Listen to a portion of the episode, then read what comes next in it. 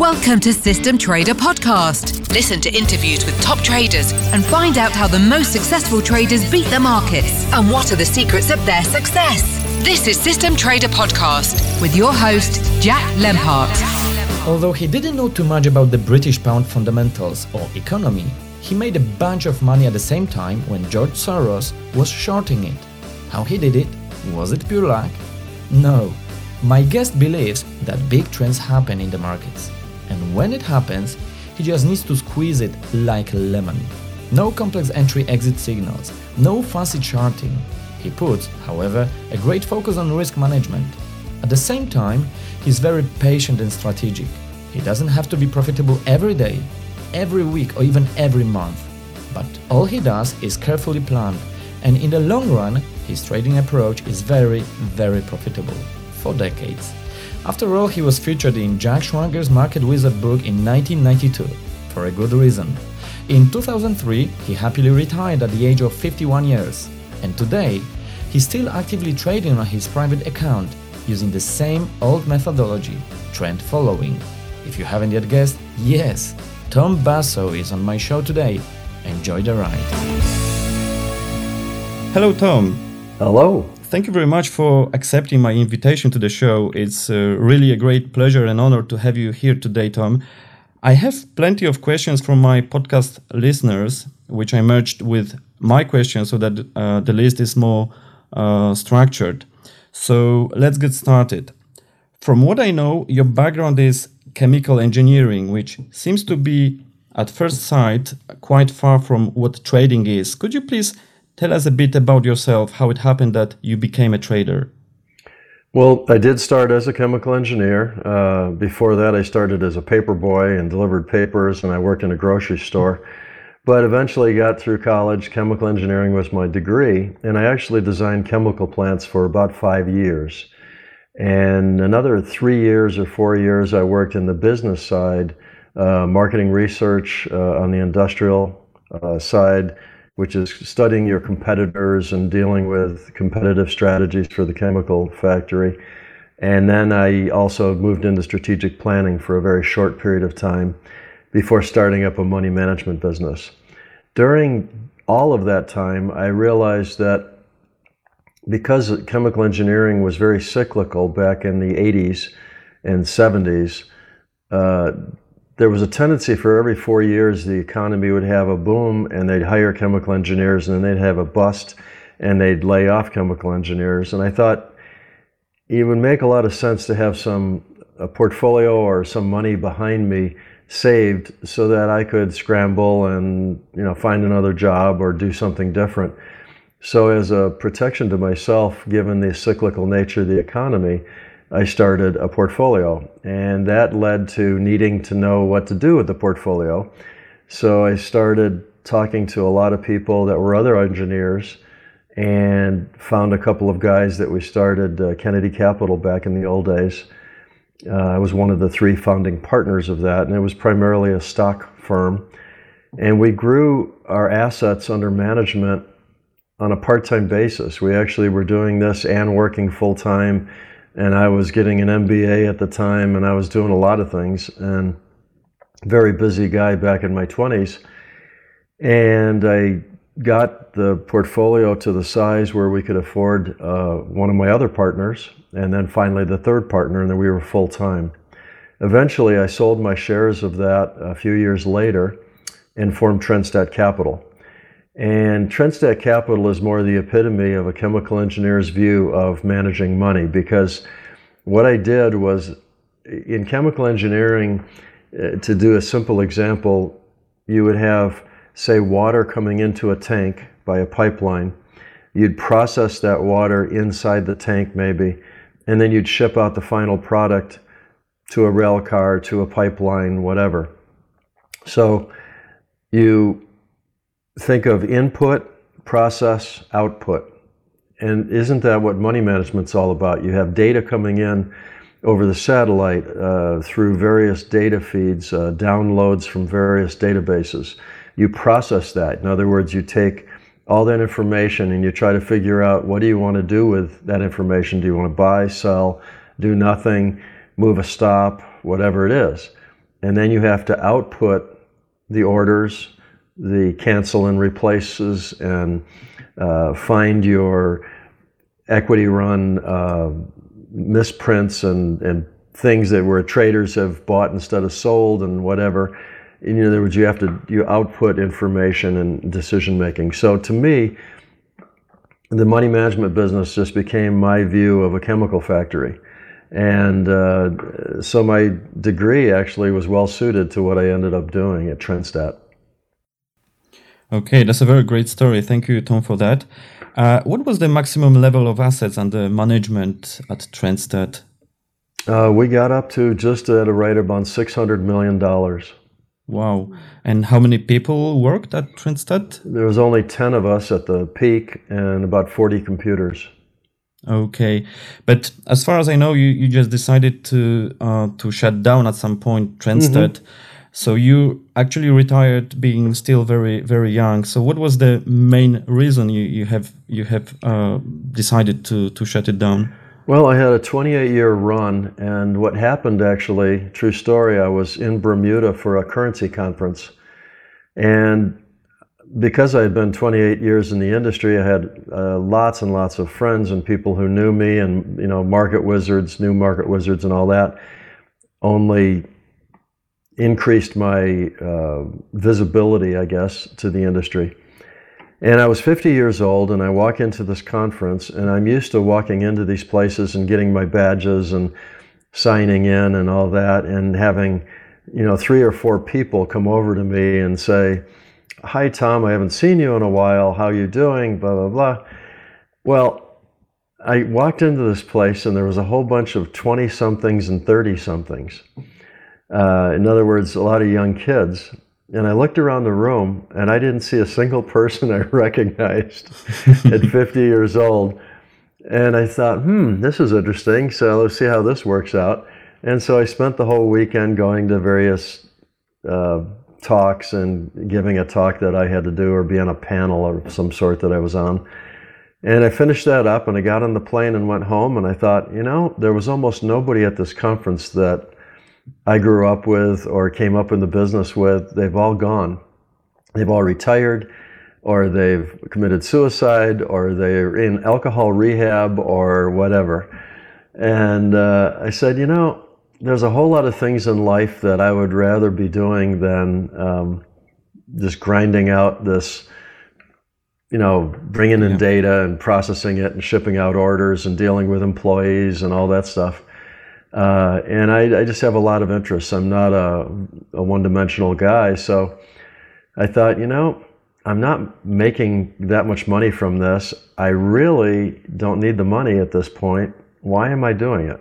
And so I just decided to give my clients uh, about a five month, I think it was, uh, warning that they should find other managers to handle their assets. And I gave my employees uh, a similar amount of time and stable they through the end elected to do. Uh, so we closed down and had a party at the last day, and my employees found other jobs and went off and did different things. Some in the same industry, some in different industries, but uh, for the most part, they've been pretty successful.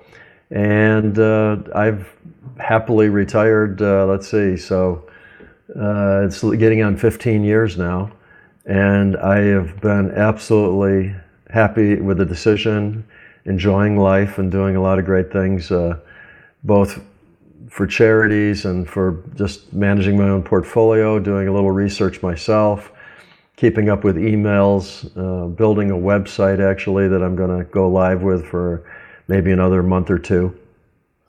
So a lot of fun. Yeah. So now you're just enjoying your retirement, Tom. I, I am. I'm a poster child for retirement, actually. I will. I will uh, return to the topic of how to uh, happily retire because mm-hmm. this is also uh, very interesting. But before mm-hmm. that, I have a couple of questions. Let's say more technical. Mm-hmm. Um, the fact that you are on the market uh, for like four decades mm-hmm. and and you're still trading is exceptional achievement to me. I mean, how would you uh, describe your market edge. What is it? You know, it it's probably changed over time, I would say, but in the early stages, it might have been to be able to process more information quicker and more logically than the average investor or trader. Because I had a lot of computers behind me, and I was one of the early adopters of using computers and programming and so on to do systematic trading. And as black boxes became more prevalent and you had all the Wall Street crowd jump on AI and all that stuff, then I think some of that early advantage probably disappeared. I mean, they, they have faster computers and more com- fa- uh, closer proximity to where the orders have to go. They can split in microseconds do stuff that I might take me a second, and that's enough to get ahead of me on everything. So now all of a sudden some of my advantages start disappearing. But what I find with a longer term approach is that my edge is that I'm patient and I'm strategic and I find so many investors so caught up in the noise of the market and what's happening in the last hour. Uh, and I don't even look at the market all day. I mean, I pretty much do my work at the end of the day and ignore all the nonsense. So when people get that way, an edge for me, it's very hard for a lot of people to be that strategic and to be that, you know, stay with your stay strategy and, and have the discipline to do it. And so that becomes something of an edge uh, in the later years here, I think. Okay, thank you. So, why have you decided to become a systematic trader? I mean, apart from these technical aspects, uh, mm-hmm. rather than, for example, a discretionary trader? Okay. To me, uh, if you go back to my history again, and I think I mentioned that, uh, you know, looking at about 1980 or so, and I'm starting up a lot of these money management things, and I'm doing computer programming with our first IBM PC, which came out in 1980. I think before that we had a TRS 80 from Radio Shack. It was very minimal. What I had to do uh, when I made a decision to do something, I wanted to be able to track why I made that decision and to then, at the end of it, the trade, to go back and be able to say, could I've done this better somehow? And I needed data to do that, and I did everything with a calculator by hand on sheets of paper and chart paper. It was very cumbersome. Some weekends, if it, in St. Louis, if it was raining, I might spend all day Saturday and all day Sunday doing nothing but poring over this stuff and doing it all by hand. And I simply thought that's way, way too much time in my life. I have other things I'd rather be doing than sitting there pounding a, a calculator. So when computers came in, what I tried to do was was to just put myself out of business, basically, uh, to try to take this little task that is easily computerizable and say, all right, I'll do this amount of stuff over here on the calculator, but I want to do that little block of things on the computer. And I'd get that done, and it, and it would relieve a few minutes of my day. And then I'd say, okay, well, then how about this over here? I'm doing this by the calculator. Why don't I program that and I'll attach it to this first module? And now I've got two things I don't have to do every day. And little by little, I just ask myself, how do I get from the data coming in to the orders going out? And how do I make that all one large set of blocks that get it all done? Then I don't have to do anything but to go in, fire the program up, get the data down, and ship out the orders, and I'm done. That's, that relieved huge amounts of my time, allowing me then more time to do research, to do, uh, to think about things, to think, what am I doing that could be improved? What is, what's working well? What isn't working well? How can I, you know, create some stats to dissect what I'm doing to see if I can figure out a better way?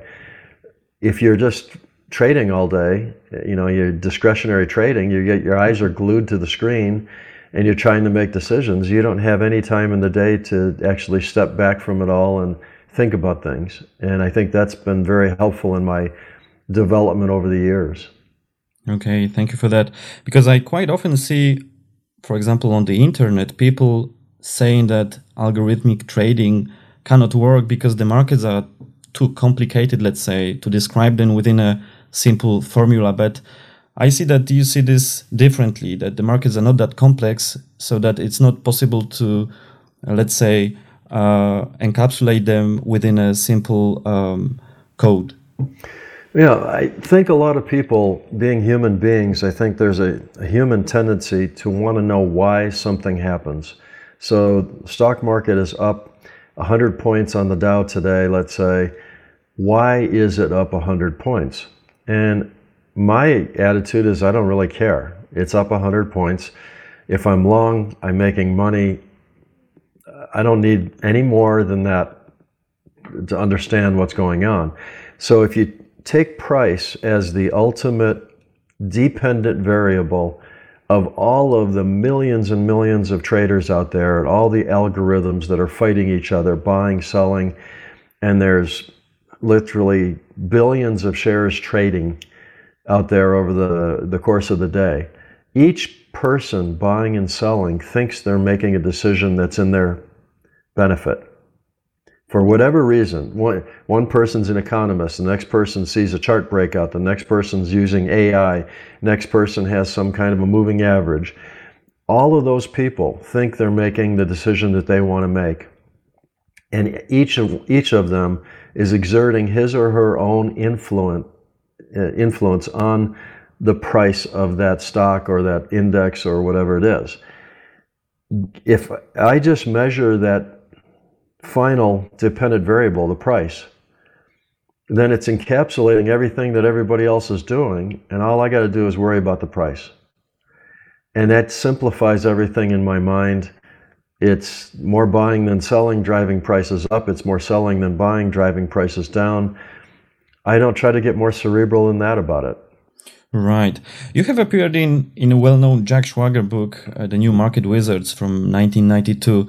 So mm-hmm. now in 2018, 26 years later, how your trading approach is different, how you as a trader are different?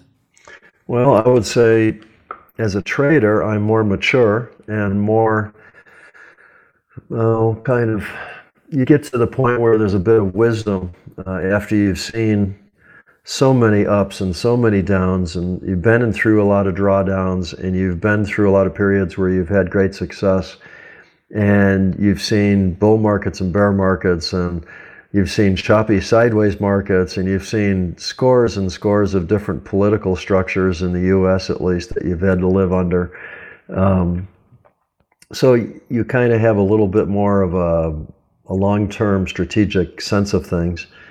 Trading approach uh, would be different probably mostly because as I was managing other people's monies, I had to be sensitive, or at least I felt it was my job to be sensitive to what the investors could tolerate on risk and could tolerate on returns, and what types of things I was they were going to let me do for them, so that they would actually let me manage their money. Uh, in other words, you coach, uh, and many people have uh, that seems brilliant on the surface, that tests out unbelievably well. But if you go out and try to market that to your average insurance company or bank trust department or wherever, uh, some well-known, uh, in, you know, wealthy individual, they would look at you like you're crazy. They're not going to let you do that for them. There's other things that you could do that would be very super conservative and wouldn't produce much of a return. They're not going to let you do that either. So part of the problem of being a money manager is to come up with an approach that's sellable enough to investors. It it is sound from the standpoint of you being a trader and you're a, a fan of it, but that it's packaged in a way that is sellable. In the case of um, now, I don't have to sell anything. I have two accounts for my wife, two accounts for me, and life is good. I don't have to concern myself whatsoever with track records. I don't have to concern myself with what instruments I'm trading. I have no legal status anymore. I've retired from my uh, registered investment advisory license. Uh, my commodity trading trading advisor's license is gone. Retired from that. I'm not even doing arbitrations anymore. I'm purely retired from the standpoint of the money management industry. And that allows me to do what I want to do for me and for my wife. And I think our risk tolerances are probably higher than the average investor out there. So I'd say my approach is a little bit more risky now, but my approach is also far more strategic in that I don't really care what my monthly track record is this month because I'm more strategic and what I'm doing is fits what I want to have done. So everything is perfect. You know, there, when you finally get as a trader to matching what you're doing with who you are, your capabilities, your resources, your skill levels, and all that stuff, that's going to optimize your ability to be the best trader you can be. And that's where I am right now. I'm doing exactly what I want to do for me. And a lot of people ask me, What do you do? How come you do this? And whatever. And I tell them all that they should be doing what I did, which is to create their own personalized trading strategy that fits who they are, their assets, their skill levels, everything. That's how you get successful in trading, not trying to trade like somebody else who you're not.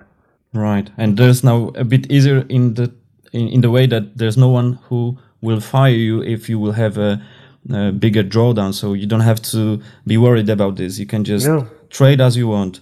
Exactly, and I don't have any government agencies coming in and reviewing my books. Right. Which the last year of Trendstat, before I closed it down, I figured was around a hundred thousand U.S. dollars in 2003 dollars, which were spent a lot better than 2018 dollars, and uh, that hundred thousand dollars did absolutely nothing for my clients or for me.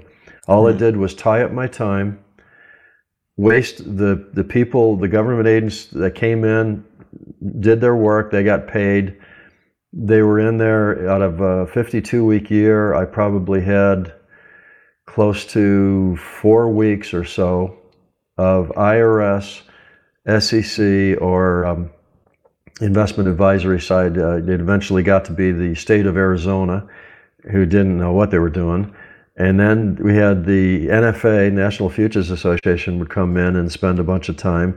And it seemed to me at that stage of my life, 28 years in the business, I was doing more to explain to them how to actually review my firm and teaching them what questions they should be asking me and then answering those questions than I was doing any good to, you know, answer an audit question. I mean, these people just really six months out of school and I'm trading foreign exchange, I'm trading 80 different commodity markets and futures markets, and I'm trading about 20 something mutual funds, and I'm doing it all within one company.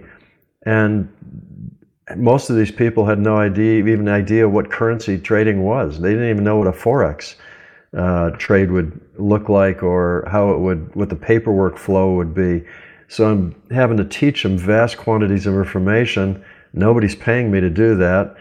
It just got old after a while. You know, it wasn't serving anybody any purpose.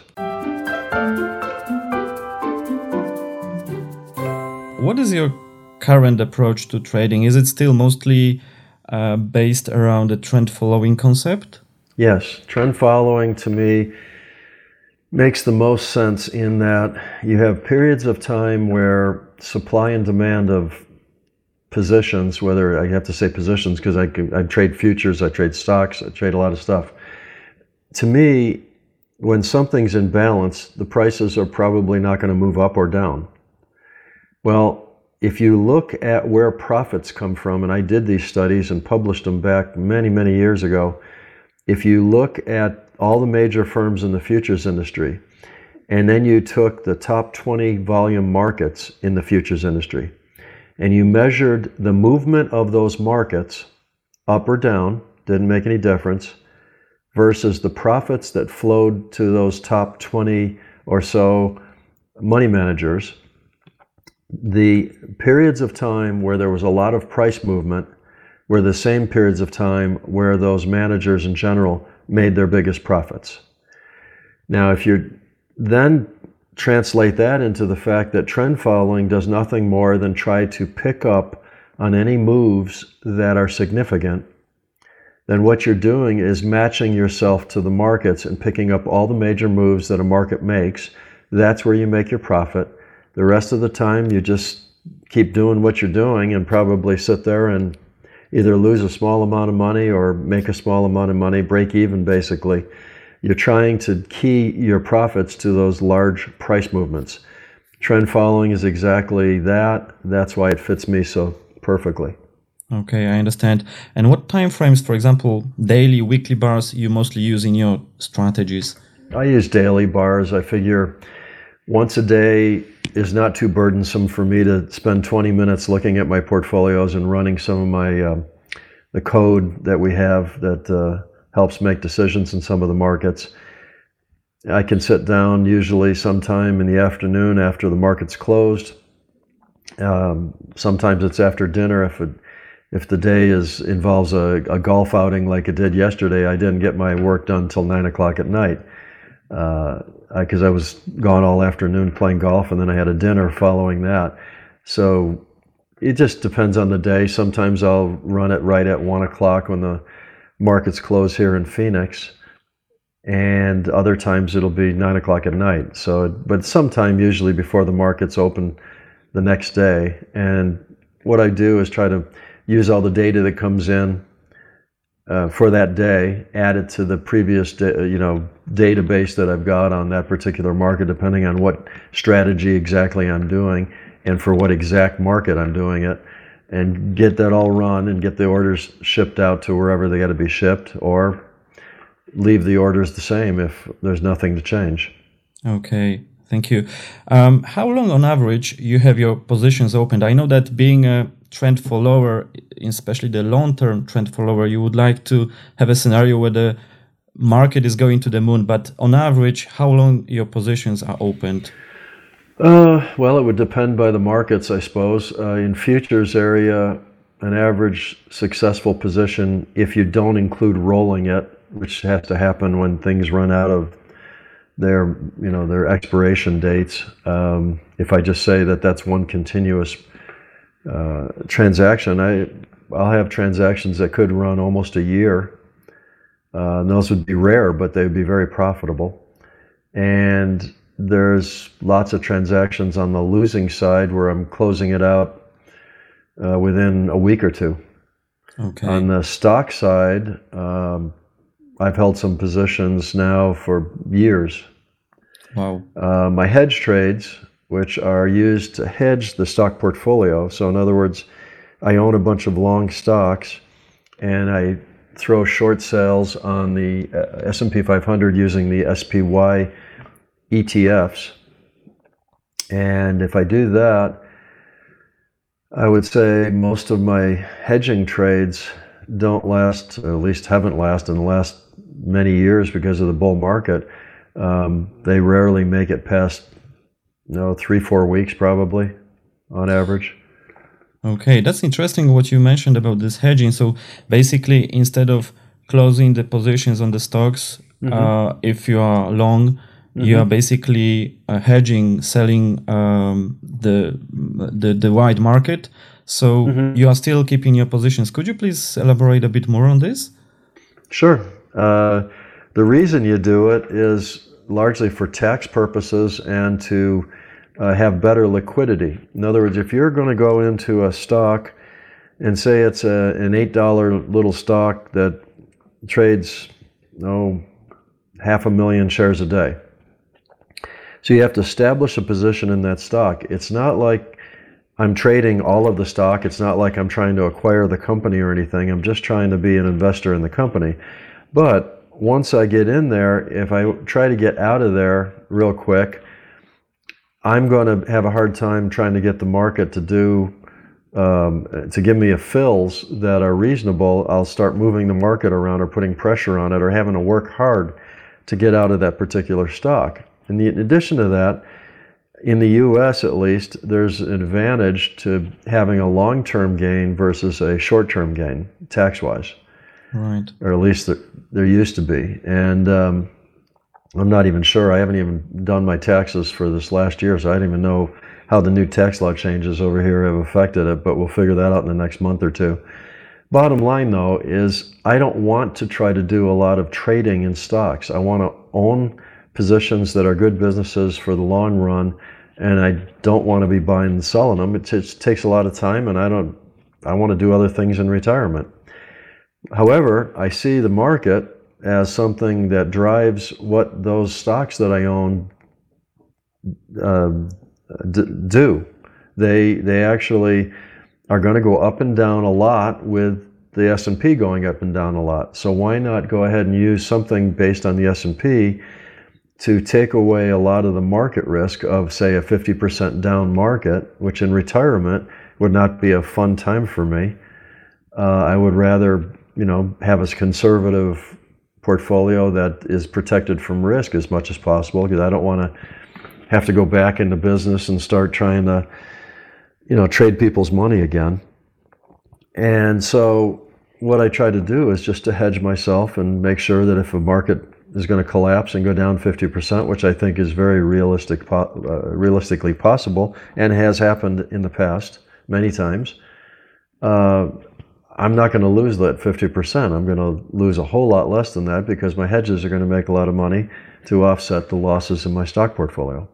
I understand. But all these decisions are made uh, via your algorithm, systematic Yeah, way, or sure. yeah, so there's no discretion approach at all. Uh, I suppose you could argue that in some cases, if I have two or three choices to buy a specific stock for my portfolio, I probably use some discretion to kind of look at the business models of each of these and say what makes most sense for the long term to hold this position for a long, you know, what kind of business would I think is a little bit more of a diversification for my portfolio and makes the most sense from a business standpoint. But that's about it. Okay, thank you. And currently, when you trade on your private account, what is your, um, let's say, goal in terms of yearly profit and risk? Uh, I don't have a specific number. Uh, I would say somewhere between five to ten percent for profits, and on risk side, um, maybe something similar to that. I'm not looking to, you know, Right. crank out hundred percent returns or anything like that. Okay, I understand. But um, are you using the same strategy still which you used at Trendstat? I mean, I'm asking this question because I'm just wondering how you see how market changes over time. Do you think that a sound trading strategy, like some trend following strategy, may work on the market for, let's say, even decades? Or do you maybe have to fix them, tune them, or even maybe completely replace them by new one? Well, perhaps a little bit of both. Uh, if you look at what I'm doing now on the future side, that was exactly the same types of things that we were doing at Trendstat back in the day for clients, with the exception of I have it geared up a little bit more in risk and volatility. So my position sizes for the same amount of money are a little bit higher than they would have been for clients back in the Trendstat days. So it's virtually identical math. Okay. Uh, in the stock side, that is completely redesigned and created strictly for my retirement. I've never used that strategies like that before at Trendstat ever. So it's a little bit of both. But do you have to spend a lot of time f- on, on the research part still? No, I don't. Um, I if I have an idea that comes to me either through a question that I get, and I get emails from all around the world every day. It seems uh, asking questions. Sometimes somebody will ask me a question and make me think of something. Um, then I might say uh, that might be something interesting to look at. I wonder if I could research that, and I'll go and do some work. Um, but most of the time, I have what I'm doing to fit me, and I again, I don't have clients that I have to try to sell something to or regulators that I have to provide a lot of information to. So there's no need for me to do that kind of research anymore. Um, so I strictly work on research projects that intrigue me for my money, not to try to do something for you know the industry or for other money managers or government or something like that. Okay, thank you, Tom. Uh, as you are a trend follower, I need to ask you how can you tell the market is trending? Okay, well, there's probably about a thousand ways to do that, and I encourage every trader out there always to find his or her own approach that makes sense. But the simplest thing to understand in an example would be a simple moving average. So if you have a moving average and you have, say, a uh, let's do a 10 day moving average versus a 50 day moving average, the 10 day is going to move faster, and therefore, when it crosses to the upside, the 50 movie av- 50 moving average, you're going to have uh, an indication that the trend over that short run is up compared to a longer term st- stable average.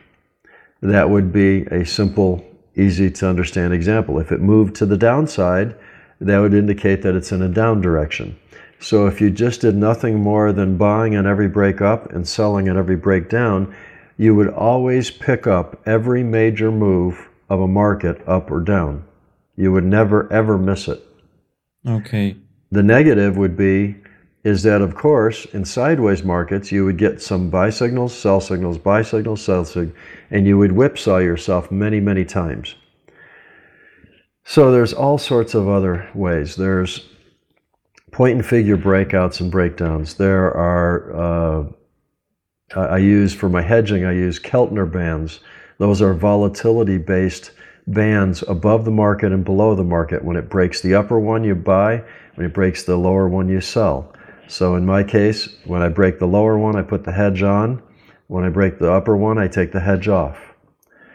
Um, but that's just the way I understand Keltner bands, the way I'm trying to hedge infrequently, but with enough sensitivity to protect my portfolio. That's why it's designed the way it is. It's why it's designed over 20 days because that's the the timing that I want with it. That may be useful for some person, or they might want a 10 day Keltner band, or they may want a 50 day Keltner band. You, by designing what you do for yourself, you have the ability to make things more active, less active, a little bit more risk, less risk. You can dial it in wherever you want. And that's why I always encourage people not to try to. It's, it's interesting, I suppose, for a lot of people to know what I do, but I worry that if they're trying to copy it, I'd be thinking to myself, why are they doing that? That's stupid. you know, it's, it's not, the average person in Brussels uh, is not Tom Basso sitting in Phoenix. We different time zones, different markets, different everything. Yeah. Knowledge levels, risk tolerances, uh, keep, uh, the amount of dollars I'm managing. Some people send me an email and say they're trading five thousand dollars.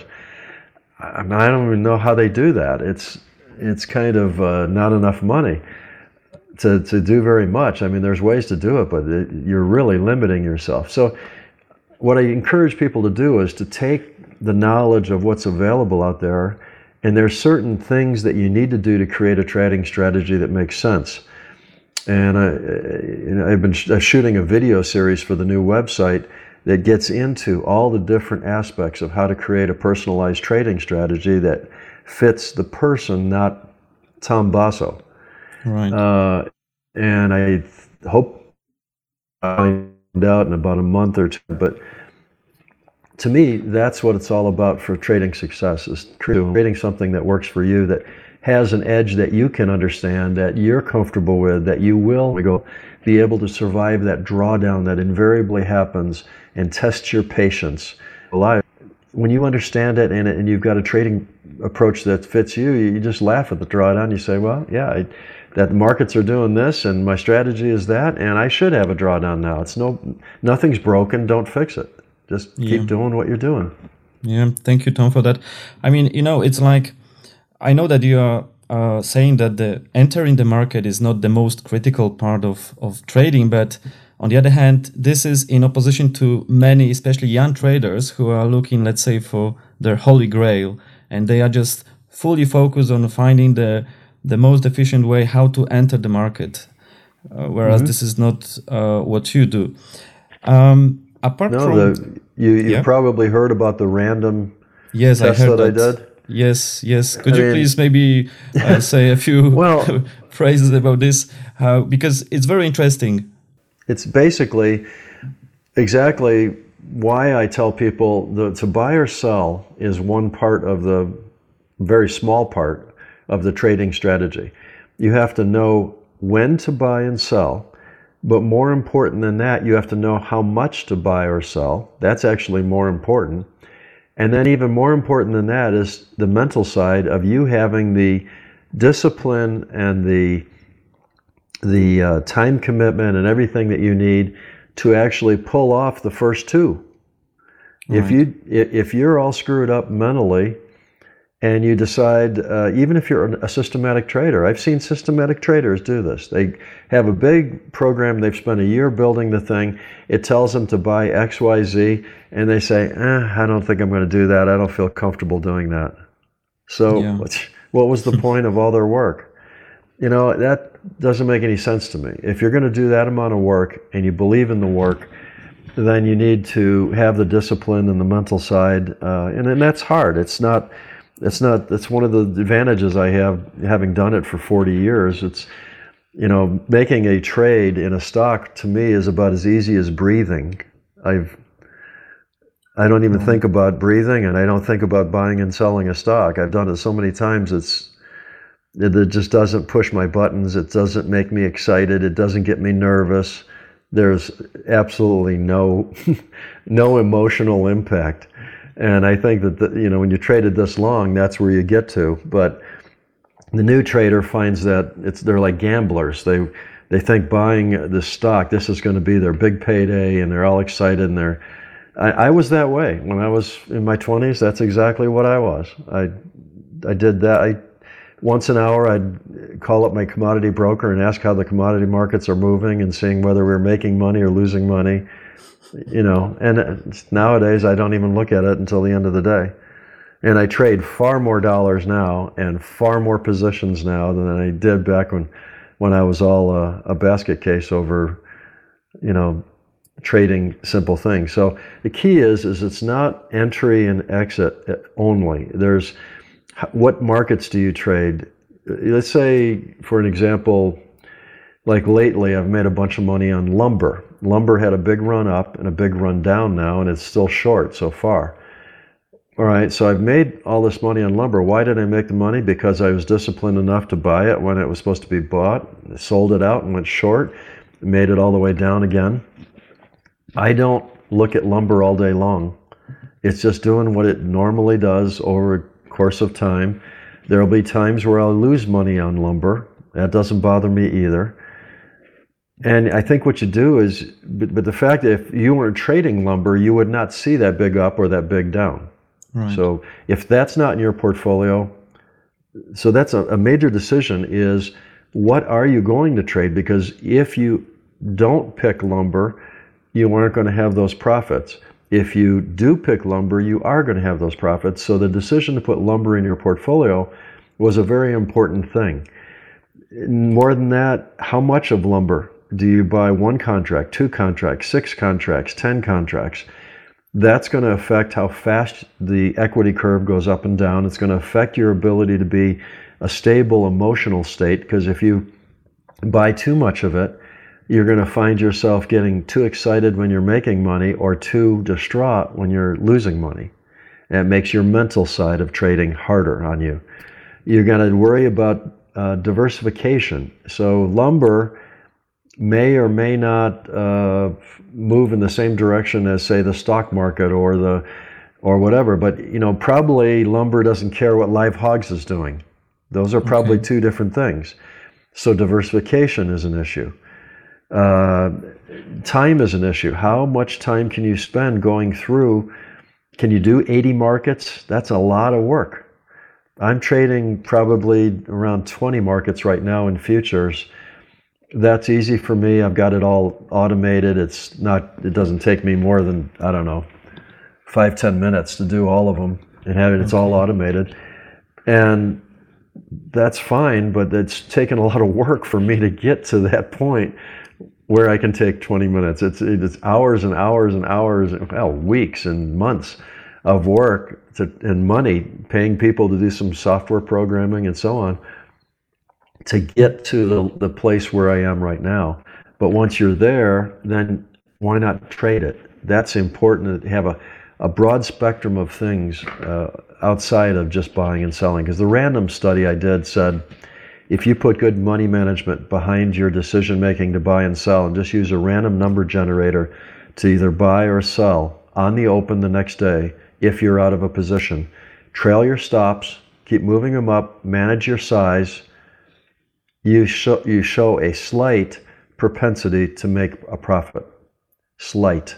You wouldn't want to trade that as a strategy. I'm not suggesting people go out and flip coins, but it speaks to the lack of importance that people put on buying and selling. There's far more, you know, good things to be had by sizing your positions properly, worrying about your portfolio and what you're going to trade, managing your risk, all those things. Those are far more important to your long term success than whether you bought or sold. Uh, you mentioned that you are trading many, many markets, so to be well diversified. Although we know that there are moments when the correlation coefficient is at the level plus one or minus one. So basically, there is no diversification. We either lose or we either win on all positions. But absolutely.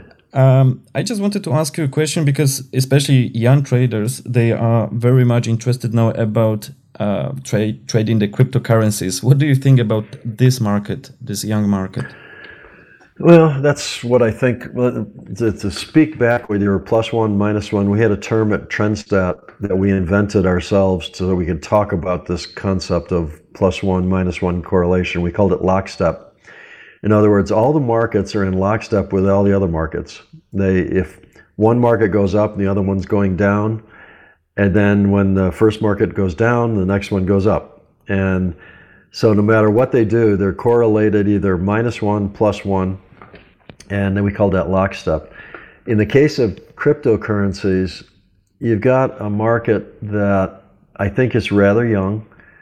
Uh, for those who want to play in that game, that's fine. I really don't see something. I, mean, I look at it from my viewpoint, not from a new trader starting out or a, a trader trying to deal with clients. I think that would be a very difficult market to try to convince clients to go into. I think it might be something that uh, could be useful for a, a, small trader that wants to try to um, get into that space, understand what's going on, and maybe try to build a portfolio. Uh, it's just not something for me for a retirement situation. I don't see it. I, I, I, do see. I do see, by the way, that the digital world will take us over. I, I think cryptocurrencies long term, and as they become a more mature market, will probably will be a variable, a viable way of transferring money back and forth to for goods and services. It's okay. just more convenient to do things in the digital world than it is with physical paper. So there's future yeah, for for the cryptocurrency world. Yeah, I think there is. I think they just got to figure it out. There's, I don't even know how many of them now. Last I heard, there's hundreds uh, of various people throwing out various cryptocurrency concepts, yeah. and there's a few of the bigger ones, and then there's uh, a lot of lesser ones that nobody's heard of and are not doing very much. What's going to ha- happen, in my you're going to have some disaster stories with the embezzlement schemes that have happened already, where people have lost, you know, millions trying. You know, somebody stole the cryptocurrency. Uh, there's going to be a lot of those types of problems to work out and get gain the trust of the market and the general public before it can become a more mature trading vehicle. I mean, if you look at futures, I've got the NFA and the CFTC behind everything that I'm doing uh, and the exchanges actually um, behind all those futures positions. So I've got some people looking at what is going on with the trading to keep it honest and to keep money backing those positions. In cryptocurrencies, it's a little bit more of a wild west rodeo. it's a, it's a, you kind of wonder whether it'll be there the next day. Right. Uh, and how about the forex market? I mean, if you are trading currencies, is mm-hmm. it via the futures uh, contracts or? Well, yeah. I, I, in Trendstat days, I definitely to get the size and the liquidity, we traded foreign exchange. So we had about 14 different trading desks, bank, big banks all around the world that we did business with, and that was the way we could move the 600 million dollars. Uh, most of it was in currencies, and these days, because I'm just a you know couple portfolios for myself and my wife, uh, I use futures contracts. It's just easier. Okay, I understand. Thank you. Um, you you said that your trading is uh, your process is uh, automated. Does it also mean that uh, mm, your orders are executed automatically, or you transmit them uh, manually? I mean, because if you are trend follower then basically you don't have to interact on a, on uh, during mm-hmm. the day. It's enough Correct. for you, as you said, to do something at the end of the day.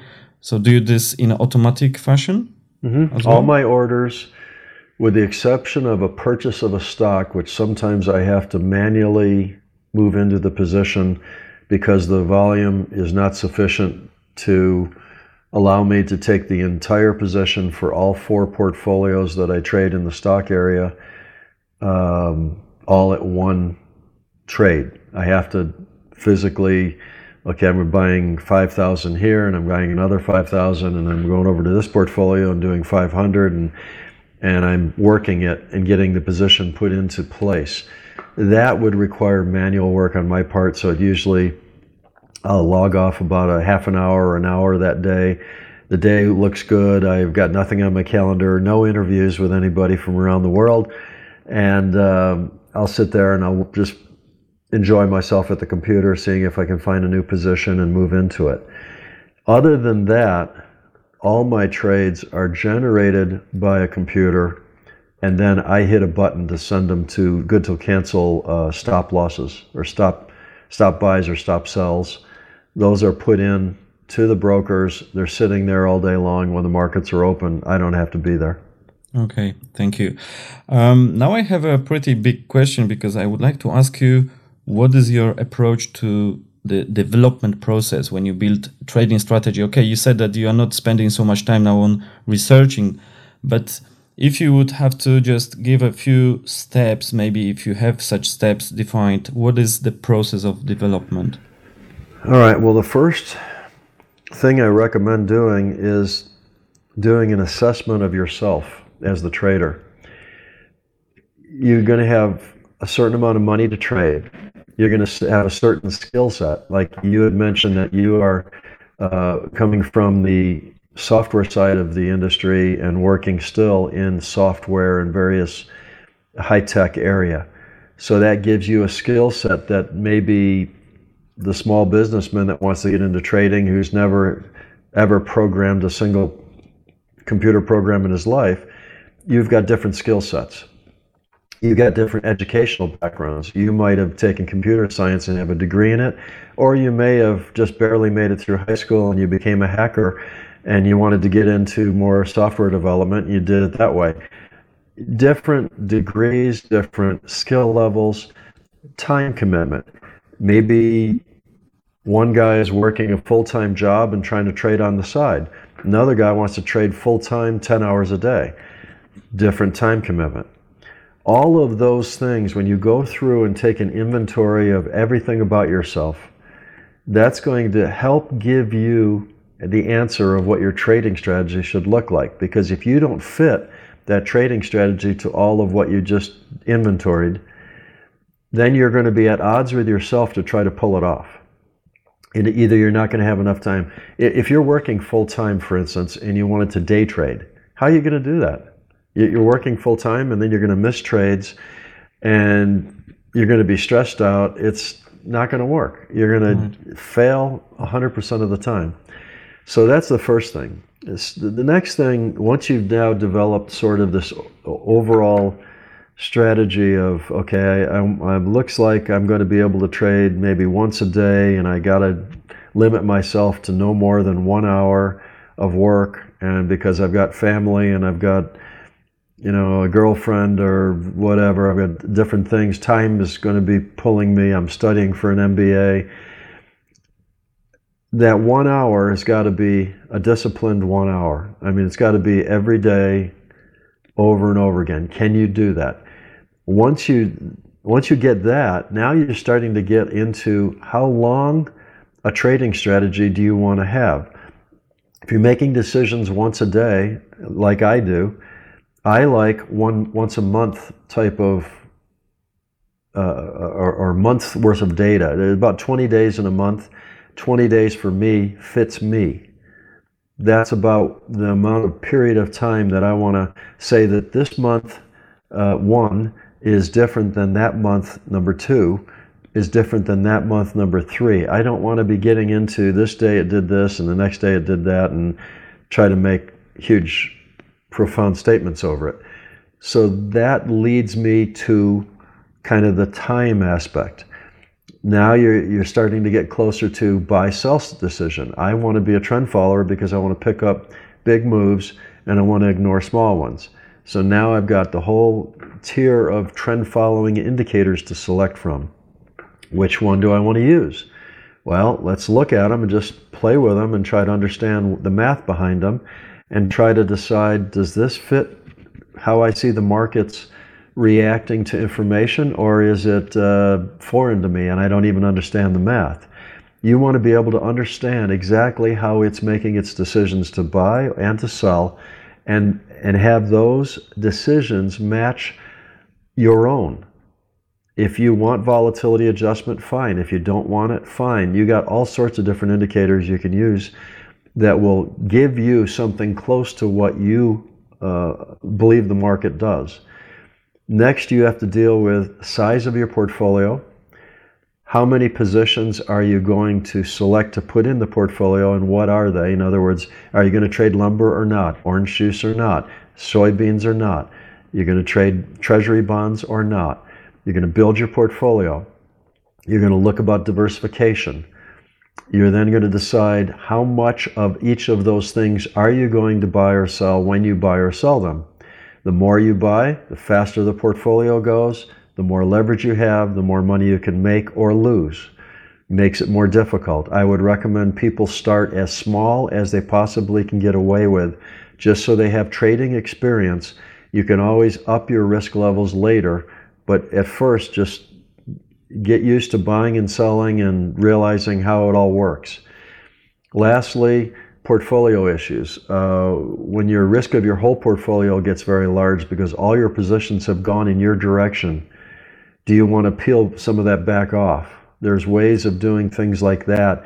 There's a great book uh, that Tharp wrote that is pretty technical, but it, I like it from the standpoint of what it addresses.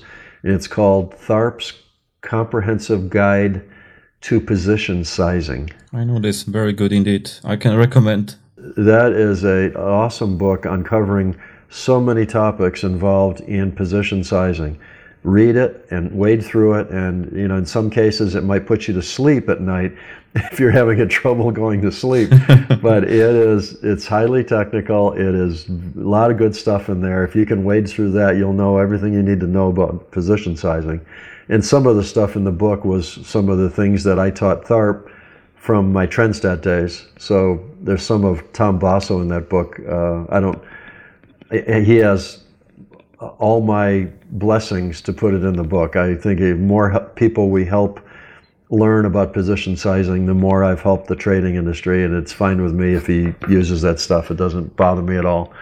But um, he's added some things that I didn't do in Trendstat days from that he talked to things that he's come up with himself, and then he's got some of Trendstat's approaches and all blended into one book. So it's pretty good, pretty good read. Yeah, yeah, it's very opening the eyes. And but does that really... give you a flow? I mean, now. And then I guess last but not least is the execution side of it. You know, we've gone through an inventory on ourselves. We have buy and sell. We've decided on our portfolio. We've decided how much to buy. We've decided what to do with the total portfolio if it gets very risky or not risky enough and into a drawdown or not into a drawdown, all the different things you can do with a total portfolio. And then finally, how do you get this thing done every single day without exception on vacations, when you're sick, when your wife is having an issue that you have to deal with, all the different things that go on in life, you have to have that all mentally prepared for and part of your trading strategy. Okay, so not to And then miss. you're, you, yeah, then you're ready to trade. Right, because I remember once you were talking about missing um, a big move on the silver, if I'm correct. Mm-hmm. So this is what you are talking about. So Exactly. you never know when your trade will be profitable or not. So Never. therefore, you have to take all of them. Yep, you have to take all of them. That's part of your strategy. And if you skip one, you are reducing the sample size of the data that you're using to trade from. So if you look at the next trade you do as the next single trade in the next 1,000 trades that you're going to be doing to create a nice database of trades, you don't know whether that one trade is going to be the, the biggest profit of the year or the biggest loser of the year or just a nothing burger and you end up uh, you know wasting your time for two three weeks and you're out of it and nothing happens you have no idea at least i don't i wish i did that would make it a lot easier wouldn't it but uh, no when you some of my best trades in my life that i remember just offhand were trades that I, when I got into them, I thought, whoa, this is going to be interesting. You know, I'm not so sure. And it, it ends up going crazy on you, and, and you end up making a lot of money. You just don't know.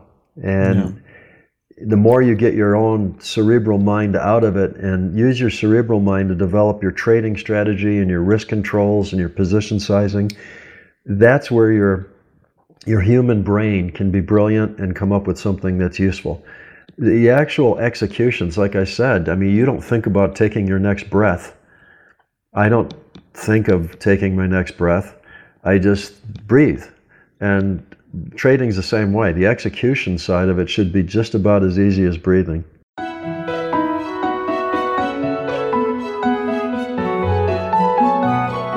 And now, short break for our sponsor of the show, Candle Scanner. Candle Scanner is a technical analysis software package created for investors interested in candle patterns. What makes Candle Scanner application exceptional is that from the outset, it has been specifically designed for the detection of candle patterns. It is not just an add-on to an existing analysis platform, but a specialist charting application written by people with an extensive knowledge of the topic of candlestick patterns. It is suitable for both seasoned traders and complete beginners. With Candle Scanner, you can do the following. Quickly scan candlestick charts to find all occurrences of candle patterns. Measure the efficiency of patterns, that is, are they working as you expect them to? Build trading strategies based on candle patterns and simulate transactions. And soon, define any custom pattern you want, then scan the charts and measure its efficiency. And all this without any coding. Please visit candlescanner.com for more details.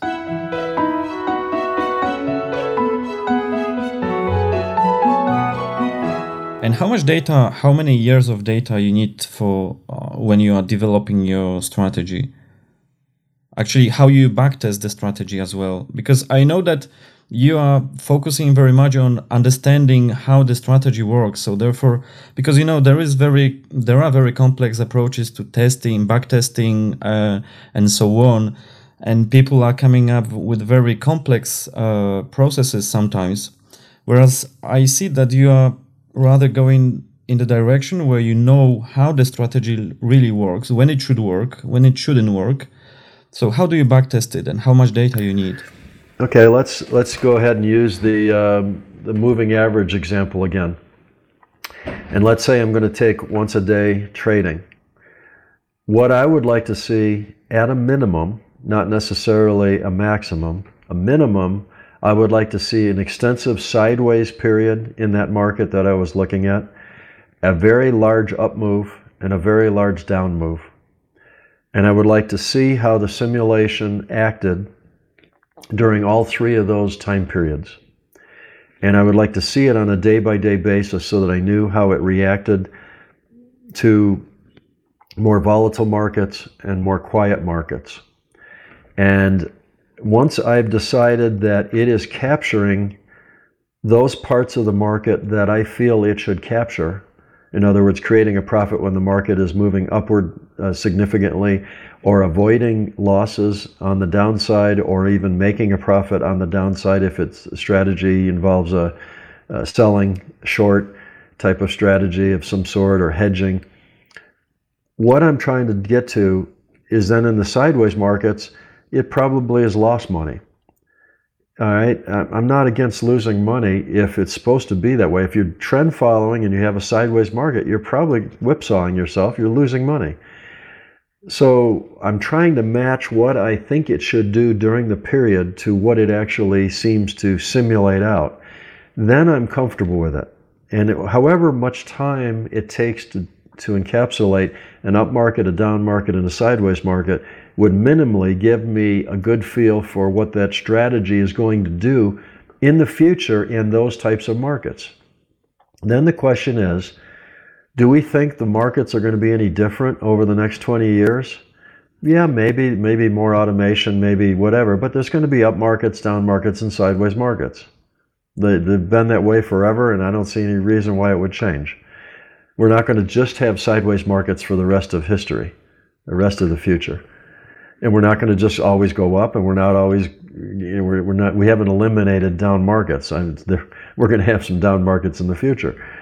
So, given that we think that the future is going to have some mix of the types of things we've had in the past, and given that I know how the strategy reacts to those situations, I'm comfortable with it. That's all I need. I don't need to go back 50 years and crunch data forever and then just look at the final results and say, oh, I, it made money over the last 50 years, so I guess it's good, let's go. That wouldn't do anything for me because I don't understand how the strategy reacted to various time periods. And that's going to be harder for me to be comfortable with it as a black box to suffer through a drawdown and realize, yeah, that's normal. It should be doing a drawdown now because it's a sideways market. Understand. Thank you very much for that, Tom. Um, I have a bit more complex question from one of my listeners, so let me explain it first. Um, there is a measure expressed as the number of so called degrees of freedom, which is typically equal to the number of trades minus the number of rules and conditions of the strategy. And some believe that this number is related to how tightly the strategy fits the data. So the more degrees of freedom, the less likely it is that the strategy will be overfit. Um, yes. Are you maybe using this uh, concept in your trading? I mean, are you maybe calculating how many degrees of freedom your specific strategy has, or mm-hmm. you don't use it so explicitly? Yeah, I, I actually did do some of that work, uh, and Jack Schwager was the one that I have to credit gave me the ideas uh, on degrees of freedom. When he talked about that at some Market Wizards panel that I was on with him, I I thought, yeah, that makes a lot of sense. And I actually did some amounts of research and study on degrees of freedoms, and I found that a simple example. Let's say you start with a uh, the moving average example again. That's your buy and sell. But then you notice that whenever the um, let's say ADX, some kind of a momentum indicator, is not positive or directional moving index, a DMI, a directional move, movement index, whenever that's positive and you get a signal, then you get uh, a better reliability. And then you notice, yeah, if I could actually then also track the S&P 500 on a 50-day uh, to 200-day moving average, and if it's positive, then I get a different reliability, and that looks good. And you start adding more and more, and pretty soon you've got 10 different indicators that all have to agree with each other for you to get a buy signal. Well, you aren't going to get a whole lot of buy signals. So, what ends up happening is those thousand trades that you have to do in the same time period that I might be doing a thousand trades, you might be doing 25. So, you have a very, very small statistical sample and it takes the rest of your life to get to a thousand. Yeah. So you are really trading in a very small statistical space that doesn't give you the reliability of of what you think it's giving you because you're looking at you're you're limiting it down so much that you're losing the statistical probability of having your success. So I always am now slanting what I do as much as possible to the smallest amount of degrees of restriction, I call it, uh, as possible. Degrees of restriction from the standpoint of, let's see, I got to have this filter work and that filter, and I got to have that moving average, and I got to do this one, the Keltner bands, and I got to have a breakout on the point and figure chart. And those are all degrees of restriction. They're restricting you from doing the trade. And the less of that you do, the closer you get to your own the more you can build a good statistical sample size of trades, the more you can have reliability with your strategy. Okay, very, very interesting. Thank you very much for that, Tom. I have a few, uh, let's say, various questions from my listeners, and one of them is Have you ever, during your career, shared some part of the trading capital with other traders and let them trade independently? Mm, no. Okay. And, and, and I, I, should add, why would I not do that? Um, it's because I, well, let's put it this way not with Trendstat. During my career as a retired investor, I have had some other traders manage some money for me. Uh, and even today, I have one trader that is managing some money for me. And the reason I do that is because I know that this specific trader is doing something that I have no desire to try to do myself, but it is diversifying for my total portfolio.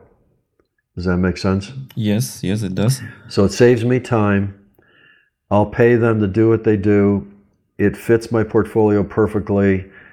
I know that they're doing what they're doing because I track it daily and I can see that they're doing what they're supposed to be doing.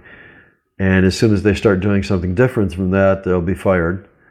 And uh, that's fine. That saves me some time and, and gives me a different return stream in my total portfolio.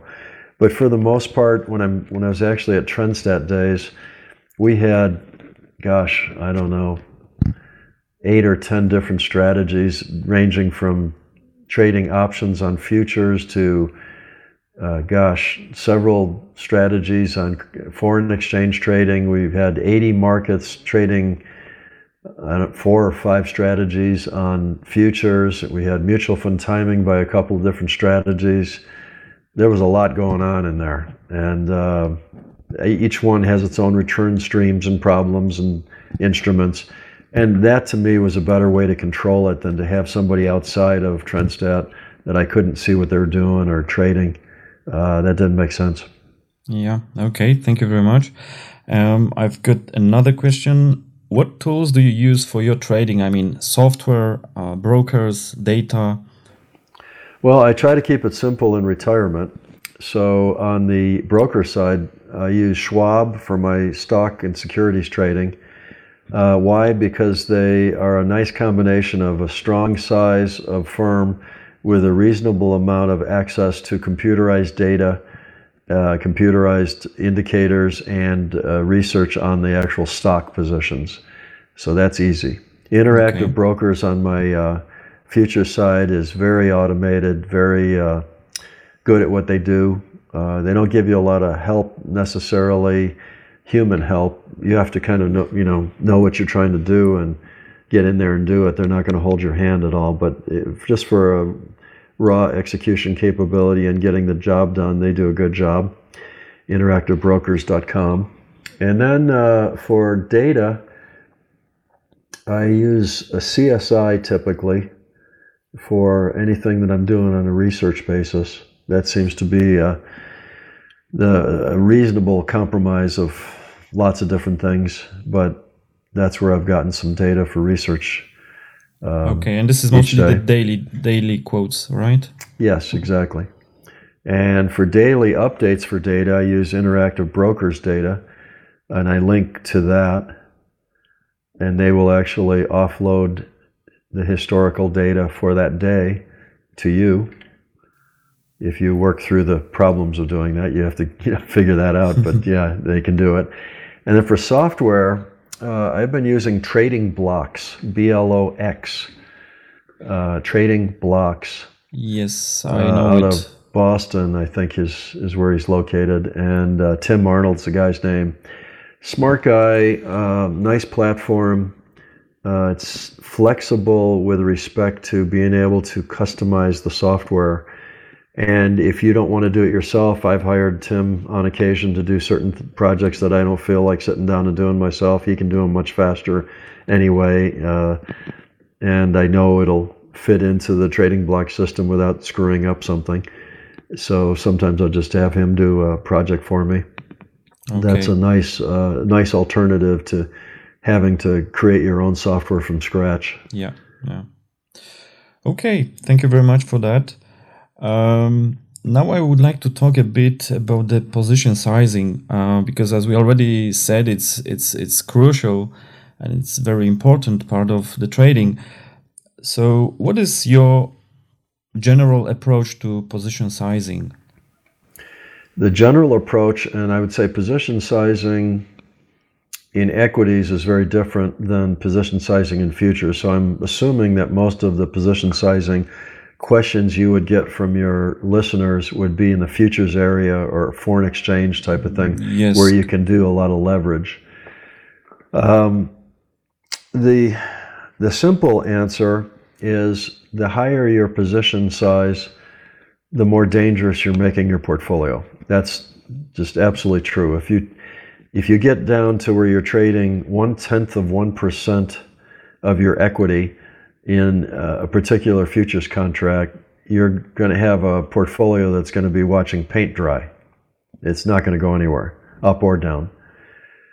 So more is more dangerous, but more profitable, perhaps, and less is more conservative, less risk, less profitability.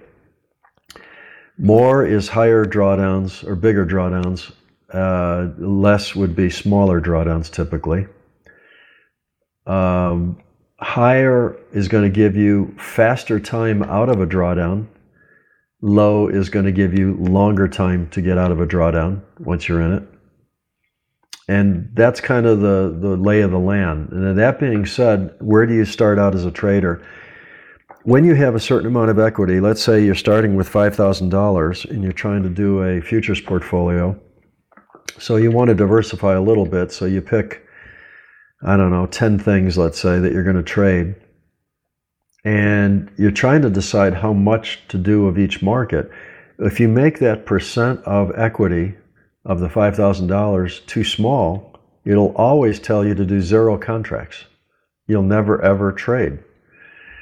So, unfortunately, the new trader is handicapped by the size of the portfolio he's dealing with. Examine it the other way. Let's say the portfolio is $10 million. Well, then, geez, you, you may be able to do a tenth of 1% and actually have some contracts come through.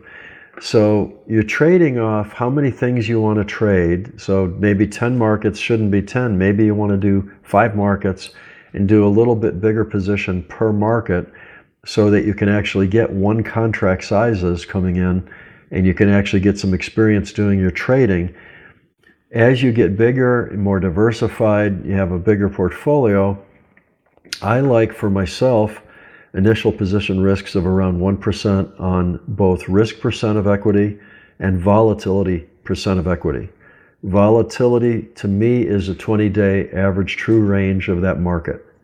So uh, I take 20 days, take the the average true range for each of those days, average it out, turn it into dollars. That's one contract in dollars of that particular market. I divide it by the equity, that gives me the percent, and I try to uh, do as many port, uh, contracts as I can do and keep it within 1% volatility and 1% risk. And then what you do, uh, there's lots of different ways you can go here. You can say, I want to cap it at that all the time. So if the market goes my way, I want to take off contracts uh, to keep my risk and volatility at 1%. Or what I do is I'll say, no, if the market's going my way, I, I got to give it room to breathe and kind of go my way. So I like to get my uh, my ongoing position volatility because that tends to increase when markets go your way. I only allow it to grow by a tenth of 1%. So I allow it to go from 1% to 1.1%. Okay. But on risk, that's the actual price getting farther away from my stops. I allow it to grow to 2.5% per position. Okay, I understand. More than that, you're getting pretty pretty racy because I'm pretty seasoned and I'm pretty good with drawdowns and I know what I'm doing and I've got a lot of automation behind me, a lot of research and all that. I got a lot more than a lot of new traders starting out. And you get me too much above 2.5%, it's going to even catch my attention. So I don't know. That's that's moving pretty quick. Now, here's another thing that happens because of what we said the lockstep you know we had yeah. discussion on way back when here in the interview. What I tend to find you know, trading, I guess 18 markets I think I've got in here now. What I find is that somewhere around 18%, 20%, 15, 16, right in there, when a portfolio as a total gets total risk of all positions up into a larger area, that means you're getting closer to lockstep. Everything is moving in your direction. You're making a lot of money. But as it gets to some point, everything is getting exciting all at the same time. Your total portfolio starts getting a little dangerous. So there, I, I try to cap it, say 16%, 18%, something like that and when you start getting over that, I try to just peel off a section of the entire portfolio and take it down a notch to keep the total portfolio risk down. So that's that's how I deal with risk and volatility. You can add in margin, but it has a very little effect. Um, I used to do in Trendstat days, we used to have margin as a percent of equity as a third position sizing algorithm, but it hardly ever comes into play and uh, Trading Blox that I use now for a lot of stuff doesn't doesn't have an easy way to deal with that. I could I could work on that if I really wanted to. It's not that important, I don't think. Do you calculate what is the level of your leverage, or you don't care about this once you have a position sizing strategy? Well, I get leverage as a result of my Trading Blox uh, statistics, but it's not something that ever gets to anything I'm worried about, so I don't worry about it. Okay, I understand. I have another question in topic of position sizing, namely, do you ever increase a losing position? No. No. And on the other side, are you maybe pyramiding your position so you're adding um, to a winning position? No. So generally you exit you enter and exit uh, market at one point i mean the same amount of contracts or, or stocks or do you for example exiting the market partially no i try to do it all at the same time okay well okay. You know, with the exception of with the exception of if you have a risk alarm go off because you hit your 2.5% position risk right and i have six contracts and I need to have five now, I'll sell one of them off. Okay. But that's for risk. It's not because right. I'm taking profits. It's not because I'm um, scaling out of a position or anything. It's because my risk's too high. I'm managing my risk. So any transactions I would take while a position is from start to finish is usually done for volatility or risk purposes. Okay, okay. Thank you very much for that. It's very interesting. Um, but do you think that in terms of the position size in the book you mentioned from Van Tharp, do, do you think this is the book which is absolutely covering all an average trader needs, or you think that uh, uh, then, you would recommend? no, and then some. It, it, not only covers everything the average trader needs, but everything that Tharp has ever heard about the topic. So it's a lot of stuff in there. Okay, I understand. All right. Um, now I have a, a, few questions which are maybe not so directly uh, so technical, let's say.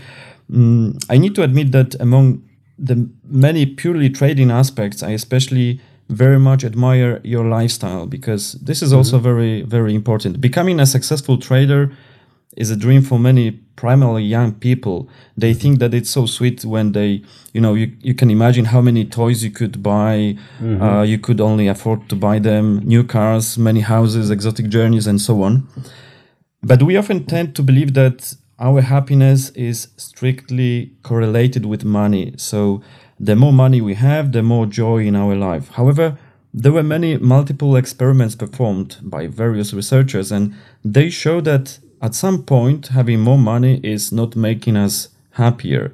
What are your experiences, Tom? Here, I mean, as you seem to live so wisely, you, you, I see you are enjoying every single day, and I doubt that it's all because of the money you have.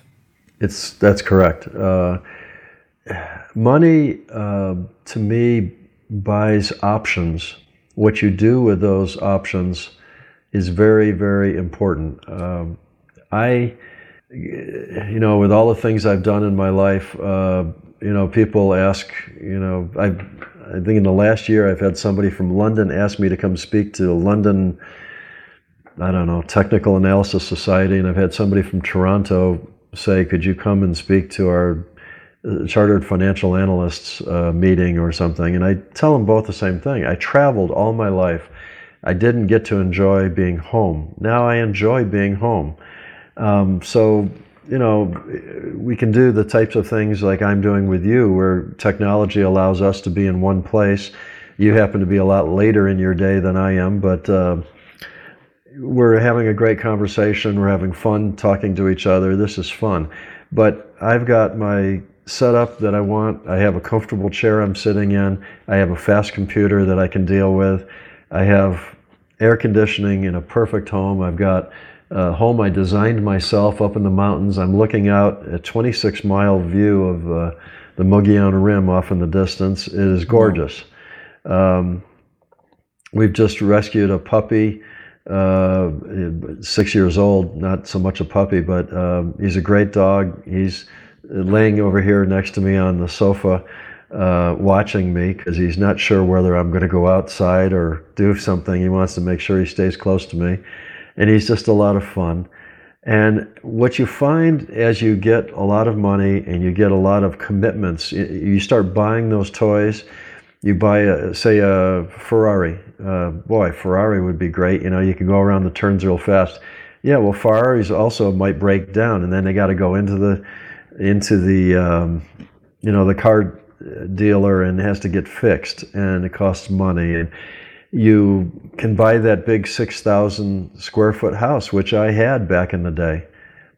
Had it i, I think it was 6400 square feet. It was worth millions. I had four air conditioning zones in the thing.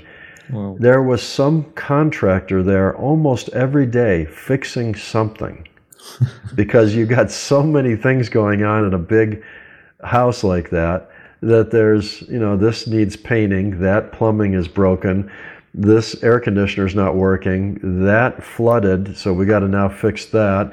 We got contractors showing up to cut the grass or to do the landscaping to, to do the irrigation. You know it just gets to the point where you end up not having any time to enjoy yourself. You're managing the toy that you bought. Right so now I have a condo that's, uh, let's see, 2350 square foot condo in a gorgeous area of Scottsdale. And it's got probably 600 square feet of beautiful decks that look out at beautiful views over the desert and the mountains. And it's set up perfectly, two car garage. I can lock and leave it in about 10 minutes. It takes me no time. I don't have any landscaping. If something uh, is, needs to be painted on the outside, the condo association does it for me. I don't have to even think of calling a painter. Uh, my house up in the mountains does require some time, but I enjoy it because it's peaceful up here. So I go out in the yard every now and again and, you know, fool around with weeds, or I'll go prune some bush someplace, or uh, deal with a tree, and that's just fun to get me out in the sun and the beautiful weather and see the views and watch the elk walk by and uh, give the dog a little chance to be outside. And so that to me, keeping your life simple in in the simple things that you enjoy to do, uh, that to me is the biggest wealth of the world. I mean, if you can do that, my kitchen upstairs from where I'm sitting right now, I just put on a six course Italian wine paired dinner for uh, the Humane Society, which treats the animals here in Payson, takes care of the stray dogs and the cats. And uh, I auctioned it off at a charity event, and someone paid me, or paid the Humane Society actually, $750 to put on a dinner for six people.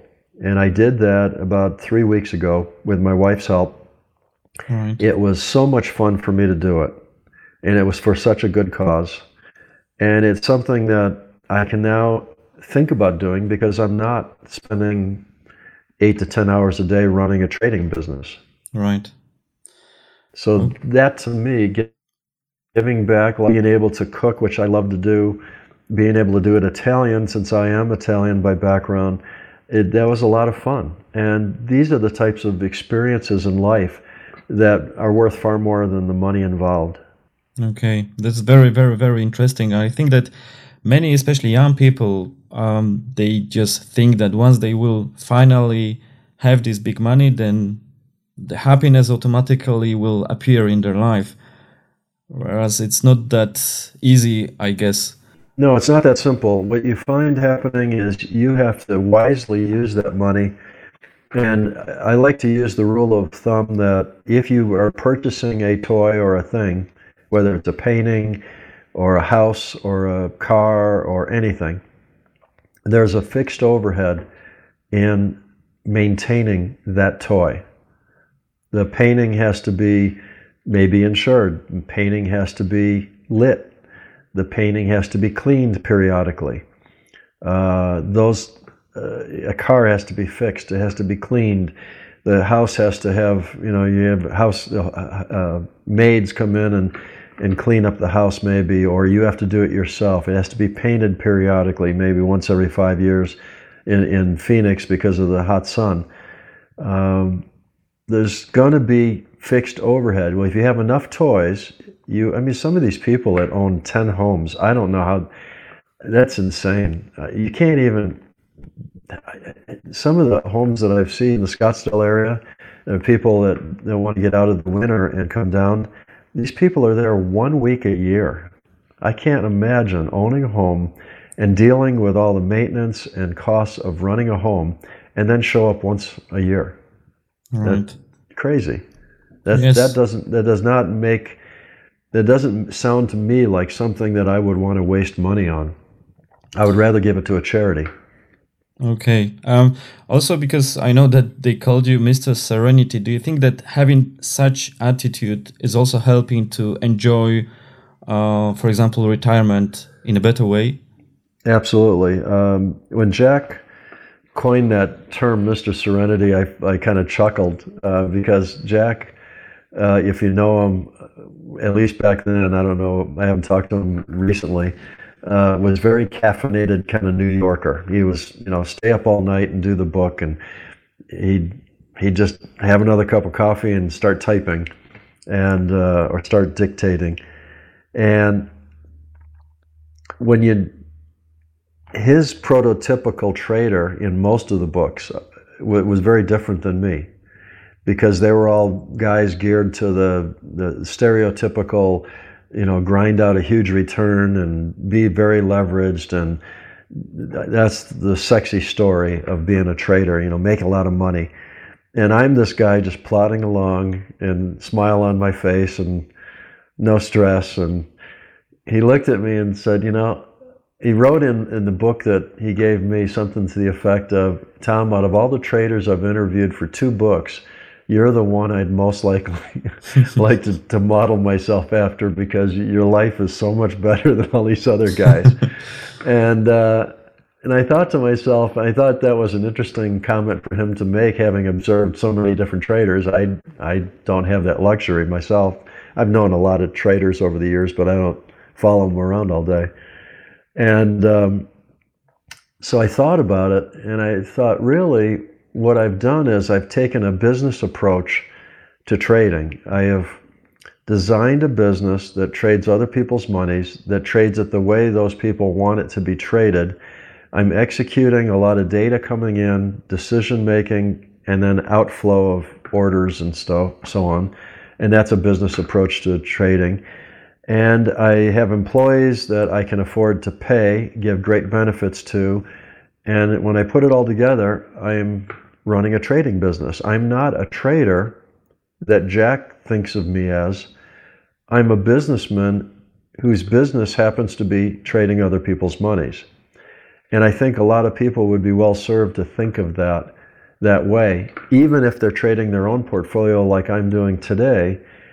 The business of trading Tom Basso's personal money by Tom is still a business approach. It's still, I bring in the data, I process it, I ship it out, and I allot my 20 minutes a day, and it's usually between 1 o'clock and say 9 o'clock at night.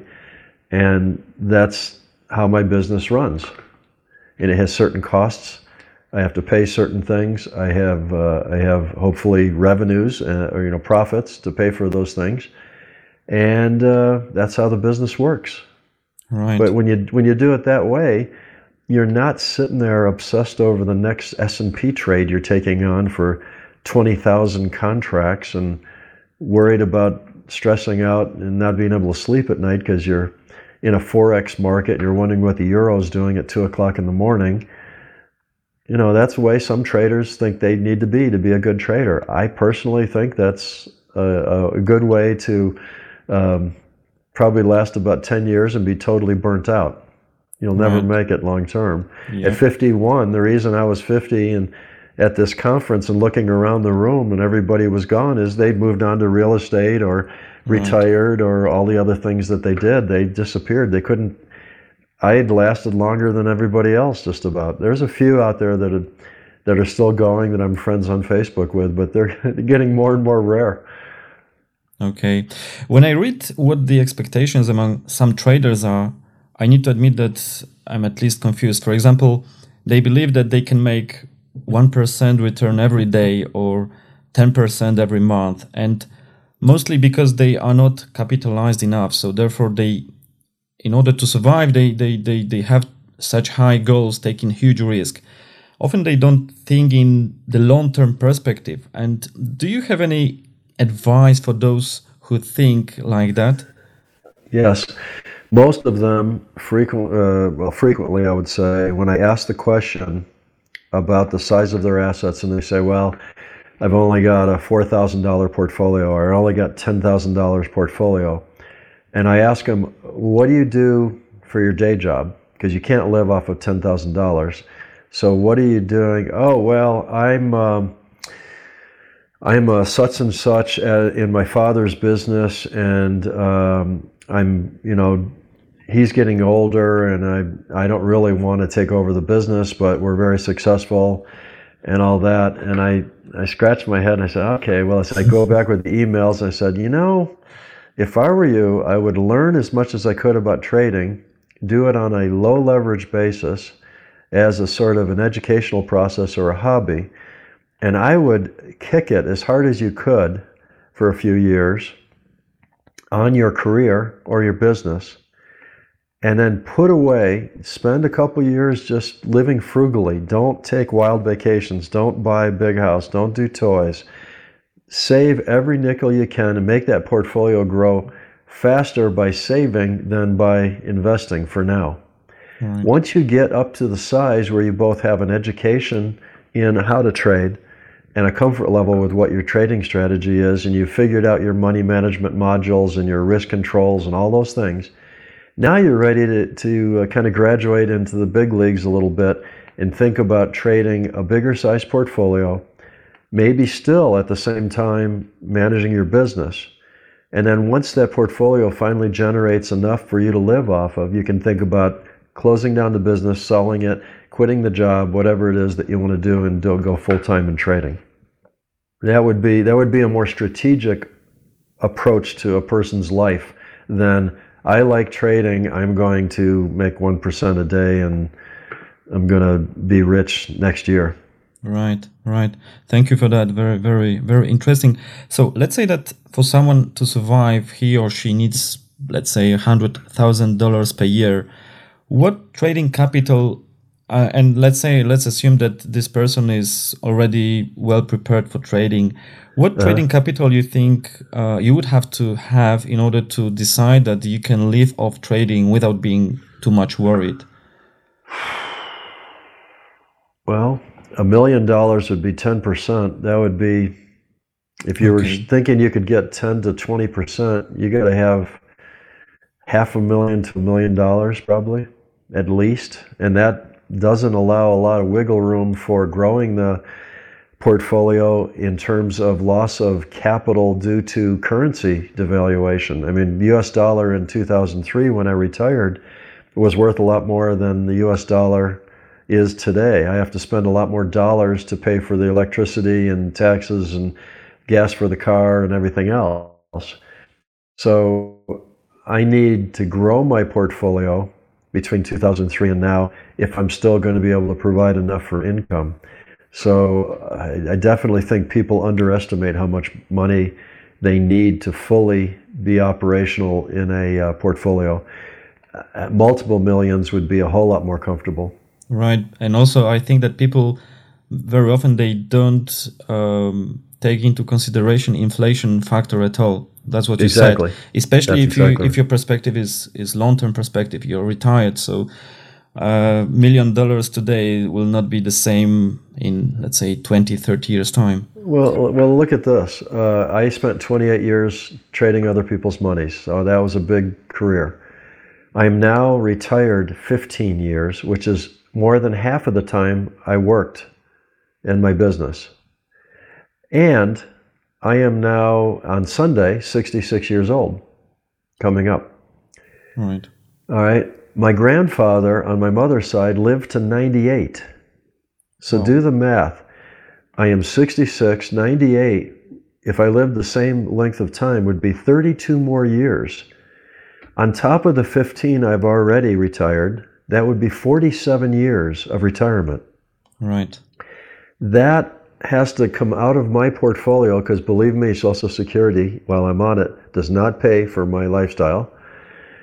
And so 47 years of having to try to think about managing money and trading, you know, paying my way with my lifestyle.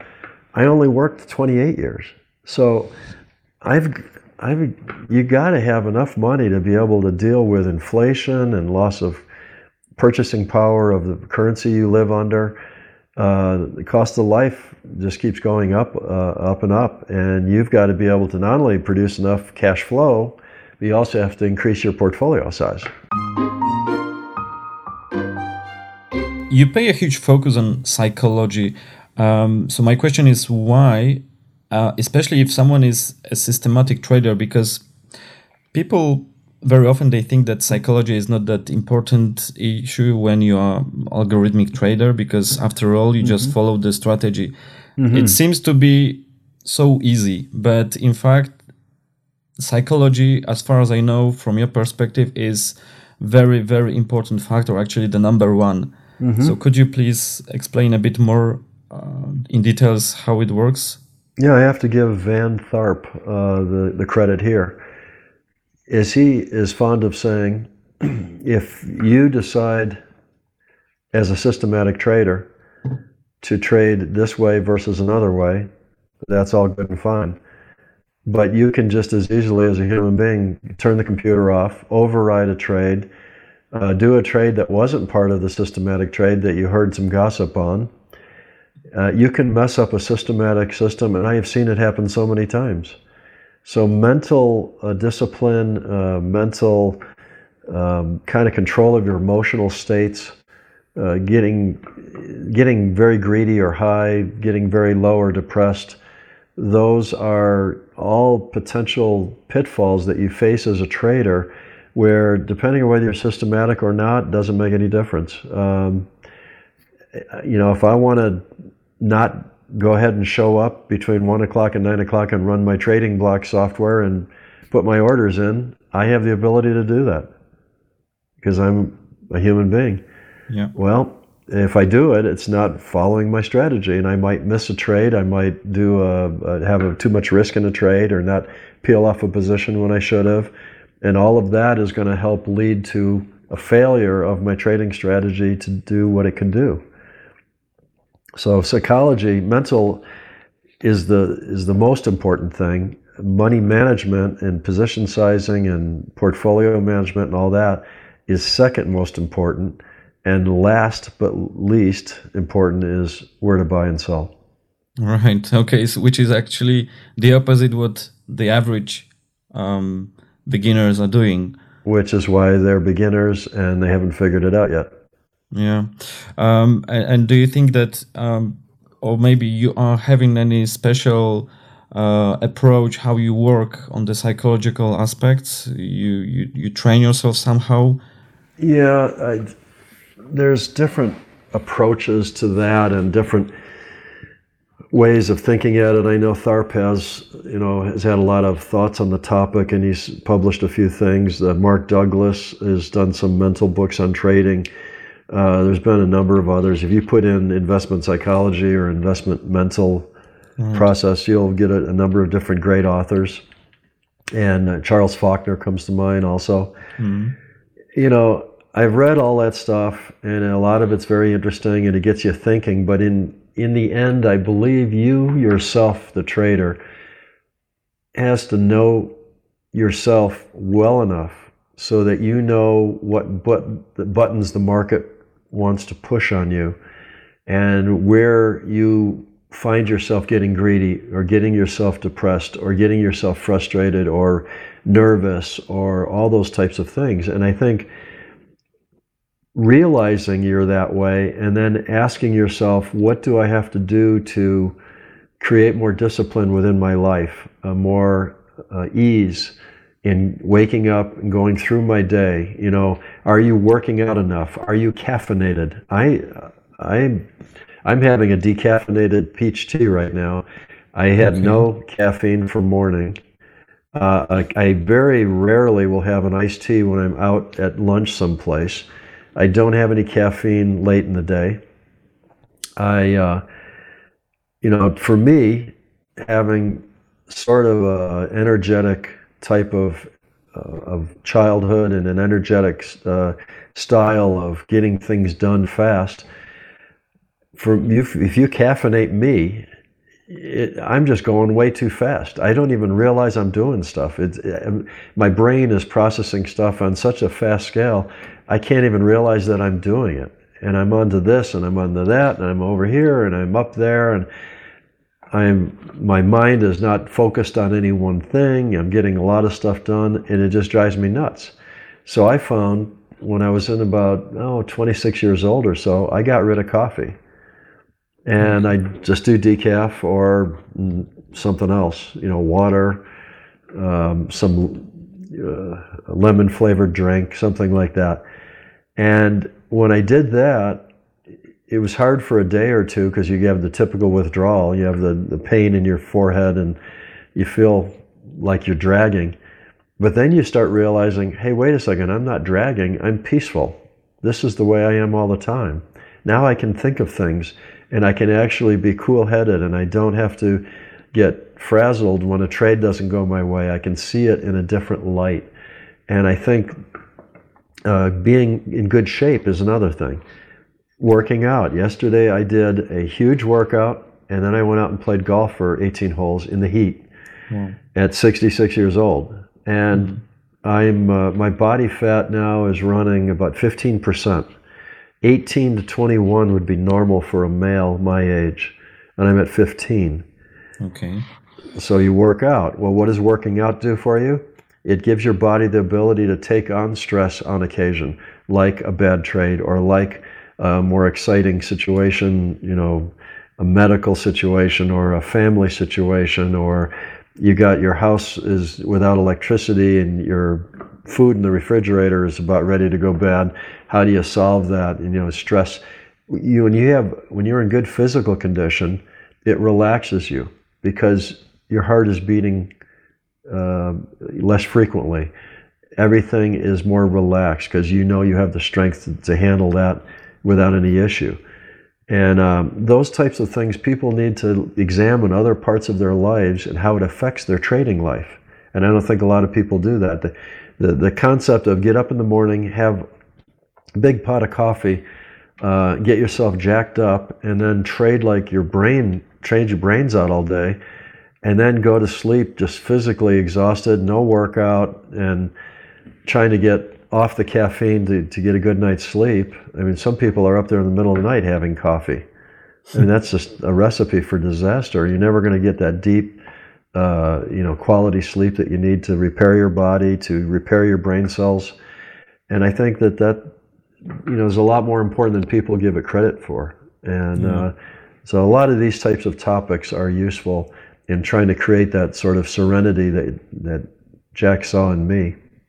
Yeah, I think that maybe also, especially young people, they think that when they are young, they are made of steel. So they are not thinking what will be in, you know, three, four decades. Uh, so maybe even if they will become rich, but they don't think in which state they will be, their body. So, so this is very also at very 50, important. it doesn't take much good. Yeah, it's, it's you know, like you worked really hard for kind of nothing. Yeah, yeah. Um, thank you very much for that, Tom. Um, I've got actually the last question on my list here, which is what are the biggest lessons you learned through trading? Wow. All right. Let's see. Biggest lessons I learned through trading. The uh, one of them would have been uh, caffeine. Okay. Uh, got it. Getting rid of that helped me just be a lot more peaceful in all my life, not just trading. Uh, trading also taught me a lot about observing myself. Um, if you were to give yourself, let's say you were going to do a talk at some panel or you know talk to the futures industry, and you wanted to practice that speech in front of a mirror, you would be observing yourself in the mirror giving a speech. So part of your brain would be looking at that mirror and the other part would be actually executing, you know, moving your mouth and having voice come out of it and giving your speech. So you would be doing sort of what I would call a closed loop of I'm saying a word, I am also watching myself saying that word, and then in my brain someplace I'm trying to decide does that look good or not? Did I say the right word or not? You know, there's a kind of a, a control loop going around the circle. And as I got more good at trying to observe myself be greedy, be frustrated, be nervous, be all these things that you you are when you trade. I think trading gave me a lot of uh, lessons there in how to deal with my own brain and my own mind. So that was a useful thing. Um, trading also taught me a lot about leverage and how more leverage leads to more swings of emotion. Uh, and that dialing it in is very important. Dialing it in low enough so that you can make a decent return, but not too high, which gives you too much excitement. Another lesson to be learned was discipline. Um, you know, the, the, silver trade that you mentioned that I missed when my parents came to visit uh, mm-hmm. was a big lesson in, wow, that would have been my biggest trade of the year. And I was playing tour guide in St. Louis for my mom and dad, and I got to it the week after and said, "Well, it's too late. I, the trade's already on underway, and I can't get in late." So I missed it, and I vowed after that never to miss a trade again, and I haven't. I, I, that's one of my main uh, lessons that I learned there, and I I followed it ever since.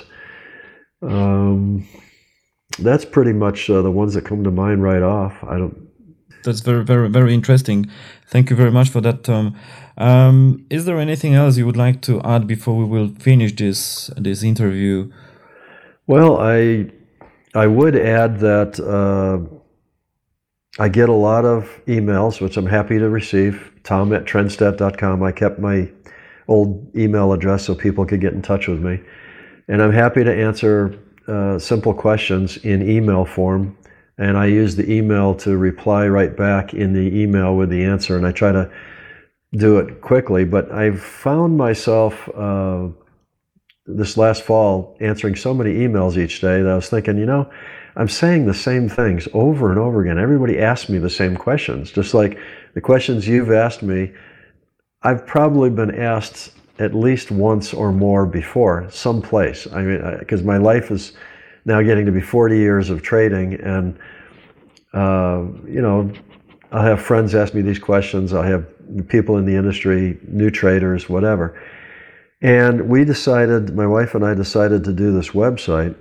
And it's going to be announced if you follow my Twitter, which I think is at Tom Basso.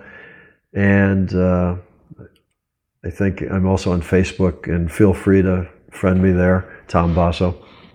And I'll announce it there, but in about a month or two, I'll have a site that has all the recommendations that I've ever thought of for books. Uh, I'll have videos available for um, some of them for purchase, some of them for just looking at. Uh, frequently asked questions uh, that a lot of people have asked me over the years. And our goal is to try to get it all in one place so that it is essentially Tom Basso's retirement website. Okay. And instead of having to send me an email, rather than ask me one single question and have me give you one single answer, you can then, as a trader, go onto the website and have uh, the ability to go a lot of different directions with information to help your trading knowledge and trading success and development of your trading strategies and everything that you want to do. So uh, give me about another month or two, and we hope to go live. And I'll certainly announce it through all the usual sources, the Twitters and the Facebooks. So if you're following me there, you'll know when it goes live because I'll I'll mention it a number of times to make sure people are aware of it. And um, hopefully that'll be helpful to the industry, uh, and I and I maybe get a few less emails.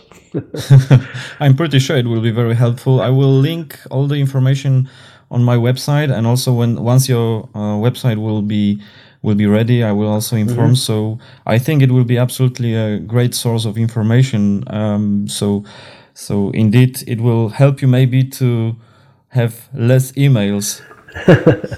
and I've got one other thing that I would uh, that you haven't asked me, which I'm surprised because most people always ask me, "What's the story behind this? Enjoy the ride."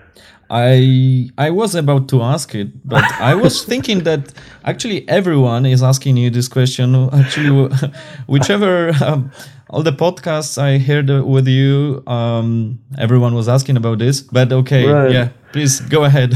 enjoy enjoy the ride. Uh, one day I was sitting there and I was publishing my hedging buy and sell signals for my relatives who were trying to hedge their stock or mutual fund portfolios and they were neophytes in trading and they didn't really want to be traders so I thought all right they're friends of mine on Facebook so what I'll do is I'll I'll go ahead and uh, and you know say okay I'm the trend is down now so I'm putting the hedges on and then my various relatives could help themselves and do whatever they wanted with it because uh, I don't manage my relatives money uh, and so that led to people finding out that were old trading friends of mine in the industry that I was doing that. And they got curious about which way I was leaning. And somebody said, Why don't you do it over on Twitter and then kick it over to Facebook? So I did that. Well, one time when I did this, I'd just gone through a whipsaw. So I'd put on a hedge and then quickly took it back off. And of course, my stocks were shooting up. I was happy. And uh, but I took a loss on the hedge trade, and I thought, well, if somebody were to actually have done that hedge trade, they're probably licking their wounds on that, mm. how quick it was and how severe it was. And uh, so I said, well, yeah, now the direction's up, the stocks are moving. Put the risk on, let the horses run, and enjoy the ride. Yeah. And I thought to myself, yeah, that's interesting. Enjoy the ride. You know, that's kind of what it is when you're, when you're trading. So I, I went ahead and said that again uh, a couple days later, and then I did it again, and then I ran out of characters on Twitter because they were limited to what 144 or whatever it is, 140, and uh, so I put ETR, and I just capital ETR, and I had somebody who I don't even know who's following me on Twitter I'm out golfing. I come back and I get a question on Twitter what does ETR mean? And another guy who's following me says, Enjoy the ride, you idiot. like people are already have locked me into this enjoy the ride thing, and I didn't even realize that had happened. And so one thing's led to another. Now I, I just always, whenever I'm doing something, I throw enjoy the ride at the end of it because it's kind of enjoy the ride of life, enjoy the ride of Yeah. the markets, enjoy the ride of trading. I mean, you're not getting out of this alive. You might as well enjoy the ride, right? And so that's that's the story behind that. yeah, that's very very interesting. Yes, I often see that um, on Twitter. You're also using this "enjoy the ride." So, so this is your trademark. it's not trademark, uh, but it's uh, people have associated with me. Every now and again, I'll get a, a Facebook or a Twitter. Hey, Tom Basso, you should see this, and it'll be something like a carnival ride with a little uh, four foot five or four foot eight or whatever, some little line. Uh, must be this uh, tall to uh, enjoy the ride. And uh, other people, will say there would be something about uh, here's where you rent your bicycles, enjoy your ride. And I- so there's all these commercial applications to Yeah. enjoy the ride that uh, people see signs, they take pictures, and they send them to me. Uh, I've got a collection of them now. It's kind of humorous um, that, that people actually associate that with me, but it's been a been a fun ride so far. But although I haven't asked about the enjoy the ride, I have asked about the Mr. Serenity because that's another uh, term which is so uh, well connected to, to, to you. Uh-huh.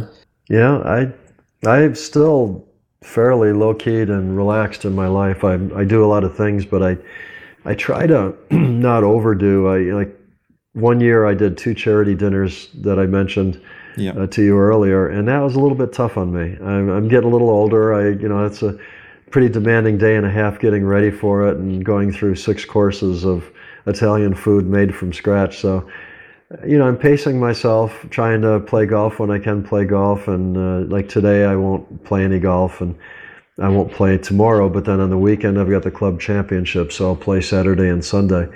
And so I try to be prepared and um, you know get ready for it. I might hit little balls, but uh, I try to do that. But then I'll I try to get a workout in at the same time, and I try to you know help you with your uh, your podcast um, interview, and I'll still run my orders this afternoon, and I've still got to go walk the dog, and I I'll make lunch for myself because my wife is out playing golf today. So I try to each day is different. I try to keep them relaxed. I try not to overschedule, and I try not to travel any more than I have to. Um, mostly to see family these days. I occasionally for a vacation if my wife can convince me to, to go someplace. So, but it's it's a good life and a very serene one. Yeah. Thank you, Tom, very much for your time, for your effort. I do really appreciate it. It was really big honor and pleasure to, to, to spend this time with you. Um, so I wish you all the best and enjoy the ride. Very good. It was my pleasure, and, and thank you for the interview. I think you did a great job, and uh, it was a lot of fun. Thank you very much. Bye bye. Bye bye.